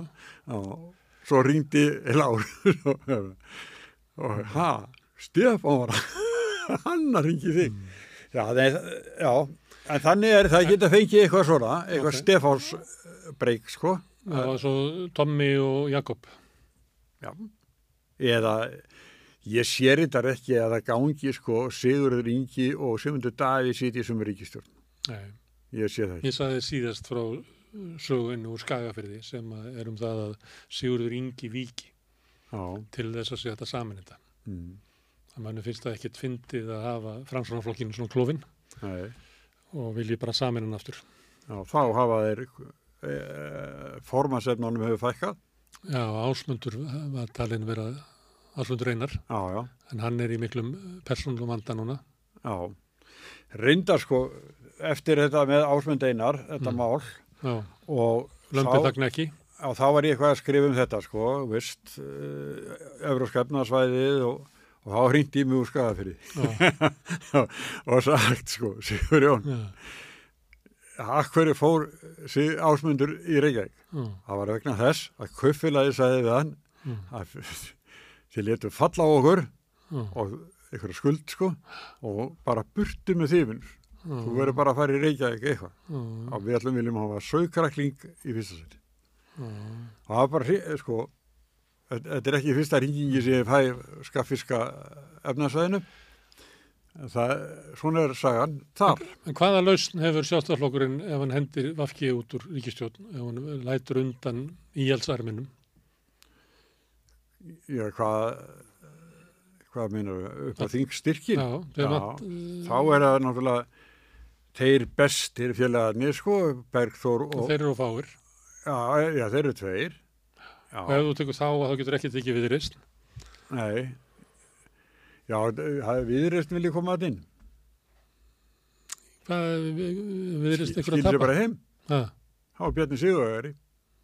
já, Nær viðreist, nei, hann getur, það verður aldrei. nei. Nei, ég veit ekki, það, sko, allir óttast kostningar. Ekki sjálfstæðarflokkurinn. Nei, ekki sjálfstæðarflokkurinn. Þá bóðar hann til kostningar, þá vil hann bara fókast. Ég held að sko það sé svona svo trú inn í sjálfstæðarflokkunum, hvort sem hún er rétt eða raung, að þeir geti bjarga sér í kostningapartu. eins og Bjarni saði hann kvöldi fyrir kjörda síðast já, þá var einhver skoðanakonun og þá segir hann við fáum meiri kostningum mm, og þá er eitthvað sem hrindur og segir er eitthvað svindl í gangi? Nei, nei, eru ekki svo kemur borgarnesmálið. Ha, en ég held að sjálfstæðarflokkurinn hafi þessa trú að hann sé góður í kostningabaratu, hann sé vel skipulaður, hann hafi og fótgönguliðan, með Bjarna í, Já, fórsæti. hann, sé lungin í því að tala svona inn í þjóðina sem ég held að hún sé ekki rétt sko, fransanarflokkur er miklu betri í því að svona hitta einhvern veginn á stemminguna á þjóðinni. Ég man ekki til neittni kostningabarða sem að sjálfstæðarflokkurinn brillar að einhvern veginn að þýleiti sko. nei, ekki nema Veist. Hérna áður verið Davíð í borginni sko Já, ég held að það sé mjög langt síðan að Já. sjálfstæðarflokkurinn hafi verið með eitthvað svona eitthvað slagorð eða eitthvað svona stefnu sem Nei, við, við notið nei. almanna hilla sko. Já, þeir komu einu sinni með hérna liftusók gegn verðbólgu og þá kom hini með að verið liftusók gegn uh, lífskjörum. lífskjörum. Já. Þannig að þeir hafa ekki, þeir ekki verið sniður í þessu. Já. En svo því þegar það kom, þetta var 79 Já, já, já. og það var einmitt að því við tölum áðan um hérna, eh, hérna Eimreðurópin, Já, hann hafði mikil áhrif og þetta er náttúrulega áhrifin á honum að hann fær Geir eh, Hallgrímsson til þess að, að samþykja þetta sem stefnu. Þetta er bara nýfrálsíkjan, já. 1979 er bara Margaret Thatcher er bara að vinna kostninga bara þessu miss, eða bara þessar vikurnar þannig úti, Já. þannig að nýfrjálsíkjan er eiginlega ekki komin, en þeir koma með svoleiðis, þetta er bara sjokktrítvent á, á hérna, efnarslífið og sannfæran um, þetta og Já. það eh, heldur ekki góð ástandi, korki, ekki góð kostningúslit og þessi beigja flokksins veldur því að svona, svona kristilugu demokratanir inn í flokknum, svona Gunnar Tórótsen, svona hægfara sjálfstæðismenn, Já, að þeir eiginlega kljúa flokkinu eftir fara inn í aðra já. En uh, þú nefndir hann að leiftur svo lífskjörum að þá var Ólafur Ragnar, Já. ungur stjórnmálamæður, Já. Hann tók mokkan og kefti hérna, bunkan af honum, fór inn í Miklagarð og stóð þar á kassa og dreifði mokkanum með þessu, þessari fyrirsök sem kostninga áróður í alþjóðbandraksins. Já. Af því hann mata sem svo að, að þessi stefna sjálfstæðarflokksins væri alveg þvert á það sem að þjóðin vildi og Já, mat var rétt. Uh, Afflokkandi fengur náttúrulega ekki eins góða kostningu og 78, já, já, já, já, ekki 79. ekki 79, Nei, en, en gekk alþjóðbandalagið endaði inn í ríkistjórn með framsunarflokknum og hluta er Svafaréttin Hjesson, hann lísti fyrir mér svo skemmtilegi atbyrðarás Mm. þegar að Steingrim kom til hans í, alþingisæðin svo hann var aðeins að tala við mig. Heyrðu, getur þú komið á fund með mér og Gunnari Tóruðsson? Ha, ha, ss. Þetta var mikið leiðamál. já. Já, já, en svona var það. Þetta var náttúrulega ótrúlegt aðbrós, ótrúlega Já, aðbrós ótrúlega. Já, og tengdi svona persónur óvild manna einhver liti já, já, og metnaði. já, já. Þarna var Vilmundur. Já, Þarna var Vilmundur. Gunnar hérna upplýði sig að hann hefði verið svona svíkin að flokks fórustunni, Já, já. ekki fengið það sem hann átti skilið. Sem kannski var rétt yfir daginn. Já, Ah, þarna sko máður tekur Gunnar Andresson eina frægu eh, mynd í Háskólabíó þegar allir stóðu upp að klappa já, fyrir já, hér Hallgrímsson nema Gunnar og Vala þau sátu já, ein í salnum, allir aðri stóðu upp, já, fræg mynd. já. En það er ekkit svona í flokknu núna, hann er ekkit klofin í, í Hann hefur náttúrulega búin að klopna. já, eða sko eins og núna innan flokksins, Já, þá er ekkit svona í gangi. nei. Þarna eh, var hann að klopnaðan mjög sérstakann hátt, því að flokkurinn klopnaður öfum ekki. Það varu hérna, þrýr þingmennans sem Já. myndu ríkistjórn með alþjóðbandaræn og framsókn. Stöttu síðar að þá verður Albert Sár, fyrst Já. að svikin af flokknum, stofna Já. borgararlokkin, sem að líður svo aftur inn í.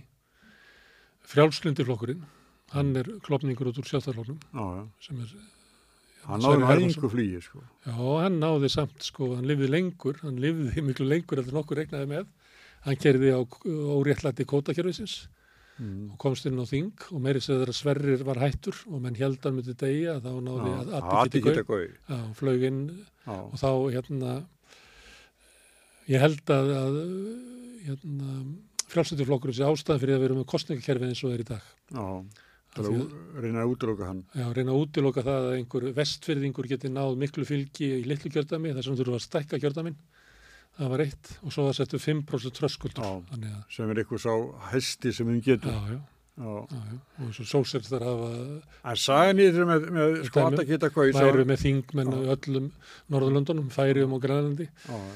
Ég, ég, ég hérna eh, kynntist náttúrulega að geta hvað í setna þegar ég var Mm. Og hann var sko hann var góður maður, var bara allir segja það, hann var góður maður. Mm. En það er sko sem bjarga honum í þessum kostningum eftir að Sverri var farin og það var þegar hann var á leiðin til Reykjavíkur og að bílslýsa á Hollagriðinni Já, og hann hleypur og þegar ljósmyndari kemur þá er hann að hugga konuna sem var á bílnum. Já, oft svona fallið mynd svona hvað, hvað var svo, hvað gaf mikið af sér þarna maðurinn sko. Og það bara sko var kostningarsigur já, ég átti ekki gauð já, og var það með Sigurðun Þórðarsson sem ennir þarna, hann var að þingmaður núna í flokki fólksins. Og Gretar Mar Jónsson. Mm. og Jón Magn hann kom setna eða ekki. já, hann kom setna Já, og fór sig yfir í sjálfstæðisflokkin já, en ekki einir. nei, Ég held ekki. nei, En þarna var þetta klófið já, og síðan hérna, er náttúrulega viðreisni klopningur út úr já og uh, flokku fólksins. Mm. þegar hann er verið að stopna hann þá er hann hann presturinn hann Haldur já, Holti. Holti. Haldur Gunnarsson í Holti. Já, hann var drifkraftur þar á baku mm. Gamalt sjálfstæðismæður. sem segja mér fólk sem að tók þátt í stopnum flokksfólksins að hérna að, að Jón Magnússon hafi líka verið þar svona til Já. stuðnings. Já, já, þannig að sömuleiti er þetta einhver leiti, ef þetta er sprottið út úr einhverjum flokki, þá er það sjálfstæðarflokkur, sem að trubla mann bara er sko fyrirferð í Ingu Sæland. Já, en þetta var náttúrulega flokkur uppálega sem að bauð fram í öllu kjördamánum og þegar uh, frambóðum komu að þá voru oddvitanir í öllum kjördamánum fyrir utan Ingu uh, góður og gegnin sjálfstæðismenn. já, já, Það er eiginlega upp að flokksfólksins. Þannig að það er flokkur fólksins og það er viðrist og svo þegar framsona flokkurinn klopnar og miðflokkurinn er stopnaður að þá þróast miðflokkurinn í því að vera raunverulega miklu líkari sko íhalsarmi sjálfstæðarflokksins heldur en miklu, heldur en einhverjum framsonaflokki sko. já, já, Þannig að sumileiti þá er sjálfstæðarflokkurinn hann sem að þú varst að lýsa hann í, í í háskóla bjói já, sem að þó svo að varaformerinn hafi myndað ríkistjórn með anstæðingu þeirra klopnaði ekki. Að þá hefur þá flokkur sko marg klopnað eftir það. Þeir, sko, sem voru ráðherrar í Stóraþinn, Já, þeir sáttu þingflóksfundi í sjálfstæðarfloknum. já, Þetta er alveg, já, já. En hann klopnaði ekki þá sko. nei, nei. En núna, hérna, er hann sko marg klofin. Já, núna er þetta náttúrulega, veist, mótmælin koma kröftulegra fram með, uh, hérna, netmiðlunum, en hérna uh, Facebook og Já, já. þá koma, kemur anstæðan mikið sterkara fram. Alveg eins og í, hérna, uh, í, í hinnu borgarlega vilja, þar, skri- þangað setti hann greina, sem er svona dæmi um þetta. Þú, þú verður varðið þetta hér að, að fólk er, uh, sko, á reyfingu, það er að lesa og, og kommentera inn á og svona, þetta umræð, pólitísk umræð náttúrulega mikið meiri núna en þetta er nokkur sinni verið.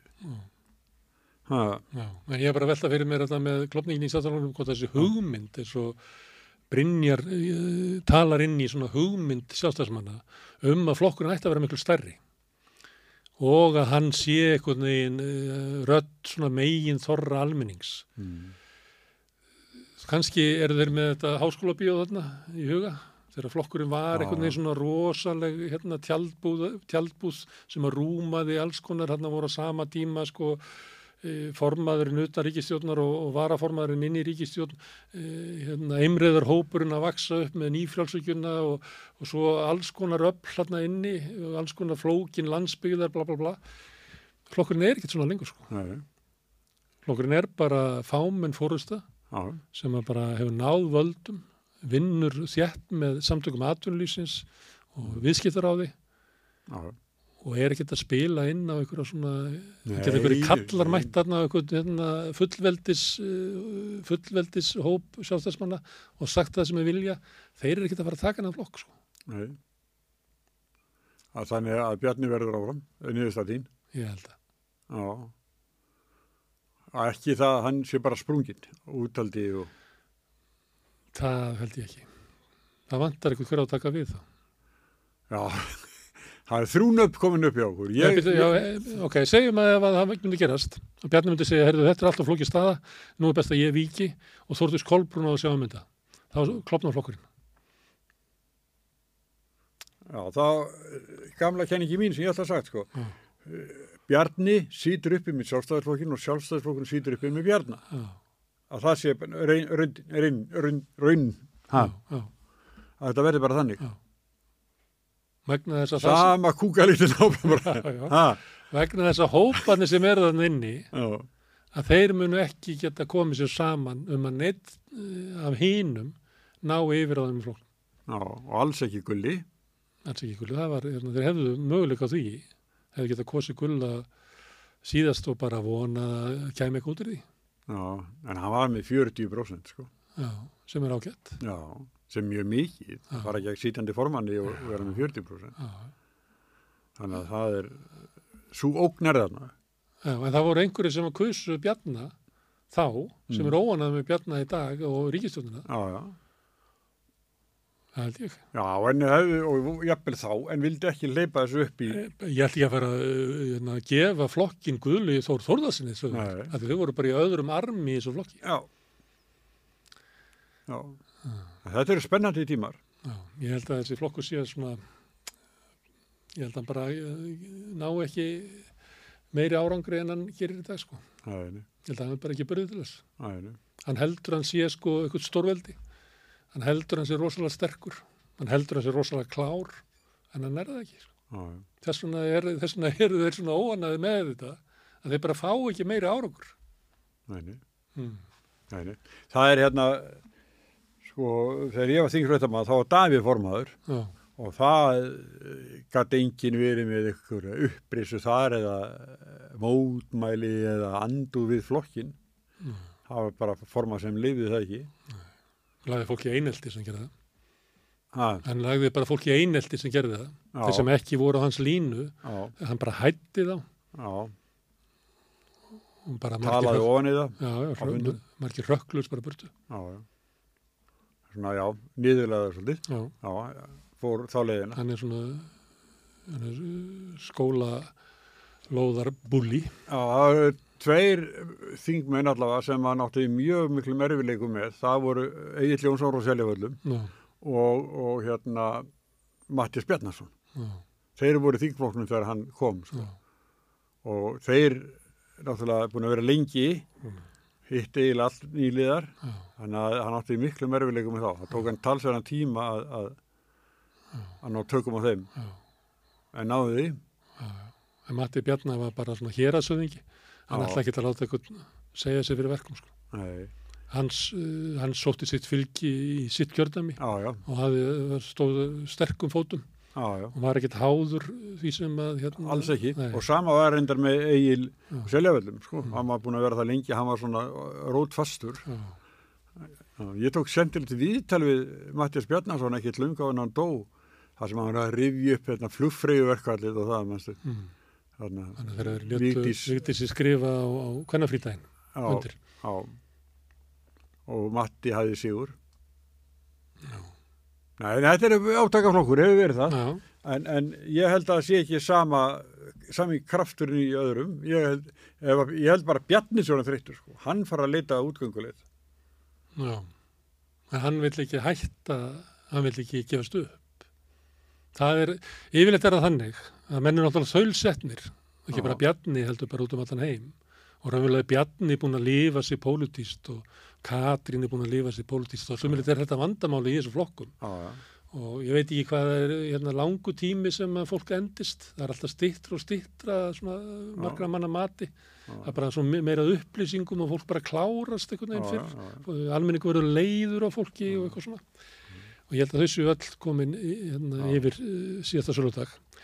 En vandin er sá að sá sem er með völdin, hann ætlar alltaf að stjórna eigin útleið. Þannig hann ætlar að, ég jú, jú, ég er alveg til í að hætta, en ég ætla bara að laga þetta aðeins hérna, og svo ætla ég að laga þetta, og meðan hann er að laga þetta, þá bara vestnar þetta og vestnar þetta og vestnar þetta. já, já. Þannig ég held að við sem að fara að horfa á svoleiðis Er þið ekki þannig, það er óvirk ríkistjórn algjörlega. á Hún er ekki saman um neitt. Og er ekkert lífi framsókn, ekkert.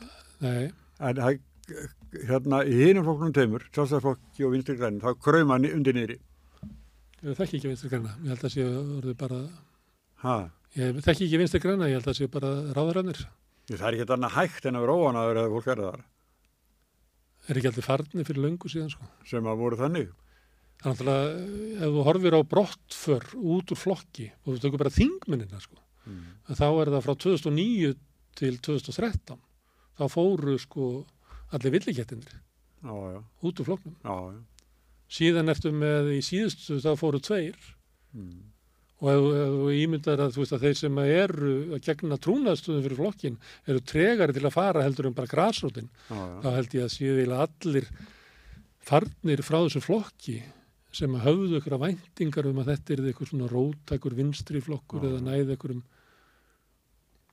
Já, svo er það bara tryggðin, sko, svo sem er að, svona, við, við valda fólk já, Ég bentir á þetta held ég síðast að þar áður að frá 2009 þá hefur VAFG verið í ríkistjórn bara, það er bara fjögur ár sem að vantar.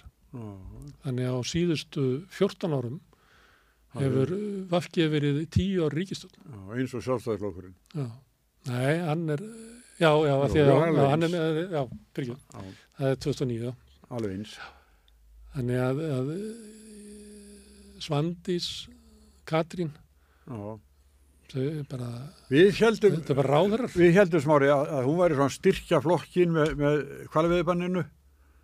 Svo kemur strax og eftir að hún vil ekki, eða getur ekki, vildi ekki hérna, auka kótan til strandveðumanna Já. sem er sko eiginlega djást vinstri græna. Sko. Jón Bjarnason barði það í gegn með miklu átum. Sko. Ég hef aldrei fram að þetta, hún hefði kassað þessu inn. Það er einingni sem hún fekk út af kvalviðumálunu. Hún bara hendiði öllu. Já.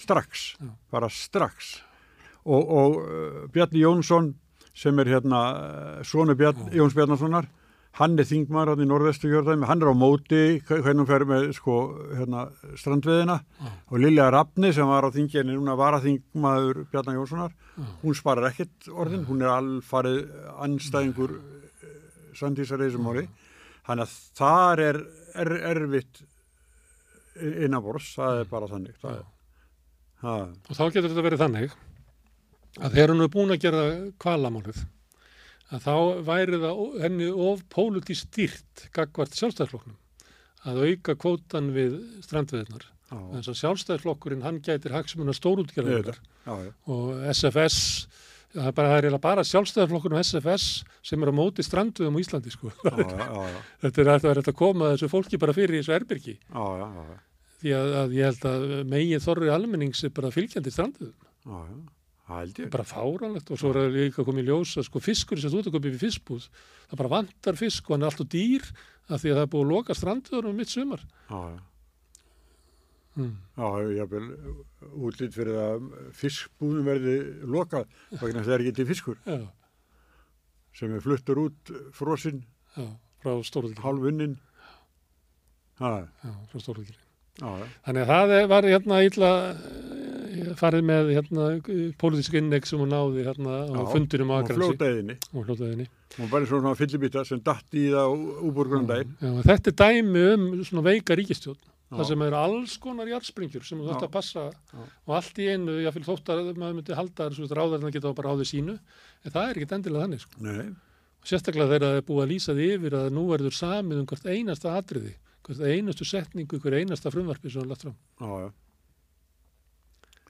Og ekki sjáum við mikla breytingar eh, á dómsmálaráðunitinu til ráðverðarskiptin nema það er að það er ekki sami, sama fyrirferðin Nei, í núverðin dómsmálaráðara eins og sé hálf feimin í starfi. Var kannski að bara koma sér fyrir Já, já. kannski byrja nú Að Jón var sko frétt nummer eitt eða þrjú bara dag eftir dag sko.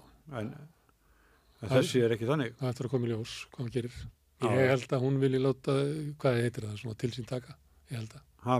Við viljum láta til sín taka. já, Hún tók nú með sér aðra, Anna ekki Brynjar, heldur Reyn Lofsson held já, sem aðstofn. Hann er ennþá... Áslögu Arna var með hann. Já, Ég held að hann hafi verið aðstofn að dómsmáráðara þegar útlendingastofnum byrjaði allt í einu að bjóða hérna, flottafólk frá Venezuela velkomið að því að þau ætluðu að fella Maduro í Venezuela með bandarísku leinithjónustunni og gáfu öllum sem kom frá Venezuela fjögur ára e, hérna, dvalarlefi, e, viðbúta vend svo kallega og það, er- það er vandamáli sem er verið að reyna að vinda ofan af, þannig að það er Áslögu Arna og Ritt Lofsson sem ábílað verið, já, já. verið hérna einhvern veginn aldrei verið að gera Pompeo eitthvað greiða með því að styðja bandarísku leinithjónustuna sérstaklega til að koma valdaskiptum á í Venezuela. Já, já, og sem þurfa að vinda ofan að því núna. Já, síðan hafa komið 3000 manns frá Venezuela Mm. sem að sjálfstæðarflokkur lýsir sem einhverju sérstöku vandamáli í flótamannamálum. Stjórnleysi, segir sjálfstæðarflokkurinn. Stjórnleysi sem hann bjóð til sjálf. Vistökin á málunu. Já, ég bara, já. einhverju, einmitt einhverjum svipað og Brynjar er að tala. Þau ætla að fara út í einhverja, hérna, í baráttu við alheims kommunismann Mm. í einhverjum leik. Já, já, ég sagði þér aðan, ég heyrði stutt brota viðtalinu við Viljónum Árnason út af sögu. Já, Hann talar svona, sko, að stjórnlust gera eitthvað, loka á það. já. En þetta þeir byggu sjálfi til vandan. Já, já, mér, ég er alltaf að segja frá þessu sko, mér finnst bara skrítið að aðri fjölmennar skulle ekki segja frá þessu. Mér finnst það förðulegt að svona stort mál í samfélaginu skulle fá að vella áfram þar sem sjálfstæðarflokkur er færi að kenna kærunett útlendingamála um stöðuna Já, já, þegar það er augljóst að þetta er sjálfstæðarflokkur sjálfur sem gerir það. já, Og ég bara næ ekki tilgangnum hjá til dæmis ríkisútarpinu Já. að láta þetta bara vella í gegnum sig. Þegar Já. Þá er það ábyrða hlutur að þú lætur fólk tala vitleysu í gegnum þig. já, já, Þetta getur þú skrifa kannski einu sinni frétt um að einhver haldi ykkur fram já, já, en þá verður þú að koma næst og eftir og segja þetta er bara ránt hjá já, mannum. já, En þú getur ekki látið mannin Já. segja þetta átjánsinnum í mánuði á þess að leiðra þetta.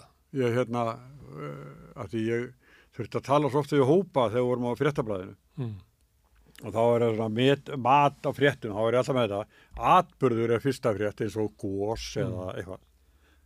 Húsbrennur, eitthvað, eitthvað bara gerist, Mm. það er sko fyrsta frétt sko. Önnur frétt er, er kannski svona uh, getur verið uh, ríkistjórnin að ákveða að leggja eitthvað fram með eitthvað sem er, sem er þá atbyrður sjáðu, það, það er eh, leggja fram eh, frumvarp á breytingum, það er atbyrður svo mann í hvernig það var þriðið eða fjórasæti er, er hugsun. Mm. Stjórnmálamanns Mm. sem getur, að það getur orðið sko framald af henni. Mm. og ef ykkur kemur svona hugsun eins og, eins og Brynjar Mm. kemur, og þá þarf að koma framald á hana. Hvað segja þá aðrir við henni sko, það er fínt að byrta hana en þá vantar sko framaldið hvað er hann að gera, hann er, og hver er hættan fyrir flokkin og fleira. En það, þetta má ekki koma bara eins og hérna bara skotfrétt eitthvað, þetta er meira það. Þá verður að setja hann í samengi. já, það Af þarf því, að því að raunverulega er fréttin af ástandi Já. sem að þetta er innlegg inn í. yes. Þannig að innleggið eitt Já, er hann- ekki fréttin. hann opnaði gluggan Já. og verður- það að það er bara slagsmál inni og þá ber fjölmiðlum að, að fara í málið. Já. Og segja frá samingi. Það er það. Og eins hvað er djúft og hvað eru margir og þetta allt saman. Herðu, Já. e- ef að segja þetta gott. Já, er það ekki? Það er hérna Veslamæðhelgin er bara e, miðjan ágúst. Já, Hún er ekki seint. núna. Þannig það er e, ein vika Nei, hún er eftir. ekki næstu. Já, Nei, það er ein vika eftir sko. já. Þannig kannski hittist við hérna stöttu fyrir Veslamæðhelgina og Já. sjáum til. En nú er það þannig, svo, svo við segjum það nú, svo, svo það sé sagt að þá við ágændi sviðbröð á þetta spjall okkar. Nú, Ha, nú. Jú, jú, ég er svo sem þetta. já, já, ég líka, já. En ég veit ekki hvað fólk endist núna, hvað er búin að vera hálfan dag. Og, já, og gætur svo sem haldið áfram ég gera það ekkert. Já. Ég er með svona, eh, því að podcast er svolítið sérstakt fyrirverði, sem öðruvísi heldur en útvarp. Af Því að útvarp er svona broadcast, það er svona dreift og er svona átti rætur sínar í að þegar analókuru var og það takmörku burðar geta í loftinu og saman með sjónvastöðar. Þess vegna voru til dæmis svona BBC eða Ríkisútvarpið eða NBC eða eitthvað. Er alltaf að reyna að halda allri fjölskyldunni í, í sófanum. Þannig að þú verður með efni sem að fimm ára pilturinn og 92 ára gamla amman veginn geta saminast um, svona meir og minna. Þannig þú ert alltaf að reyna að halda aðtikli fólks sem er kannski ekki að sækjast eftir efnin í sjálfum sér. Aha, Podcast er öðru sér því að það kveikir engin á því nema sem er á að við að hlusta á það. aha, Þannig að þú ert lost laus við það að þú sett með fólk sem hefur ekki áhuga. mhm, Og svo er það þannig að svo segir fólki að ef með þetta aðeins svo langt, þá segir ég alltaf bara, hlusta bara þá þú eru sattur. Þú veist, þú, missir ekki af neinu, Nei, ekki vera, ekki vera þegar þú orðið sattur. Sko. Já, eða skipta sér niður í þrent Já, já, bara, Hlusta bara 20 mínútur. Já, Og já, já. þú ert ekki verð settur með að hlusta í 20 mínútur þótt að séu klukkutíma eftir. Nei, nei, nei. Þú veist, ímyndað bara hans ekki Já, það er ekki t- endir eins og í bók Nei, nei, það er ekki sögu lók Nei, það er ekki Þess vegna ég finn ég ekkert hérna til neina sektar þótt að við tala lengi. Nei, nei, nei, nei, nei, nei. Og einhvers er við bræður og gaman að hittast Sömulegis. Herðu, Já. nú slekk ég á, á upptökunni svo við getum fara að tala um hinabræður okkar. Já, Herðu, já, kæra þakkir fyrir komuna Sigurjón og kæra þakkir, kæri lustutur fyrir að stoppa hérna við rauðaborðið en svo ég sagði áðan að þá yfir ásumarið ætlum við bara að hittast hérna einu sinni viku á 50 og ég reikna með að við verðum hér aftur í næstu viku á 50 daginn. Sjáumst á og góð helgi.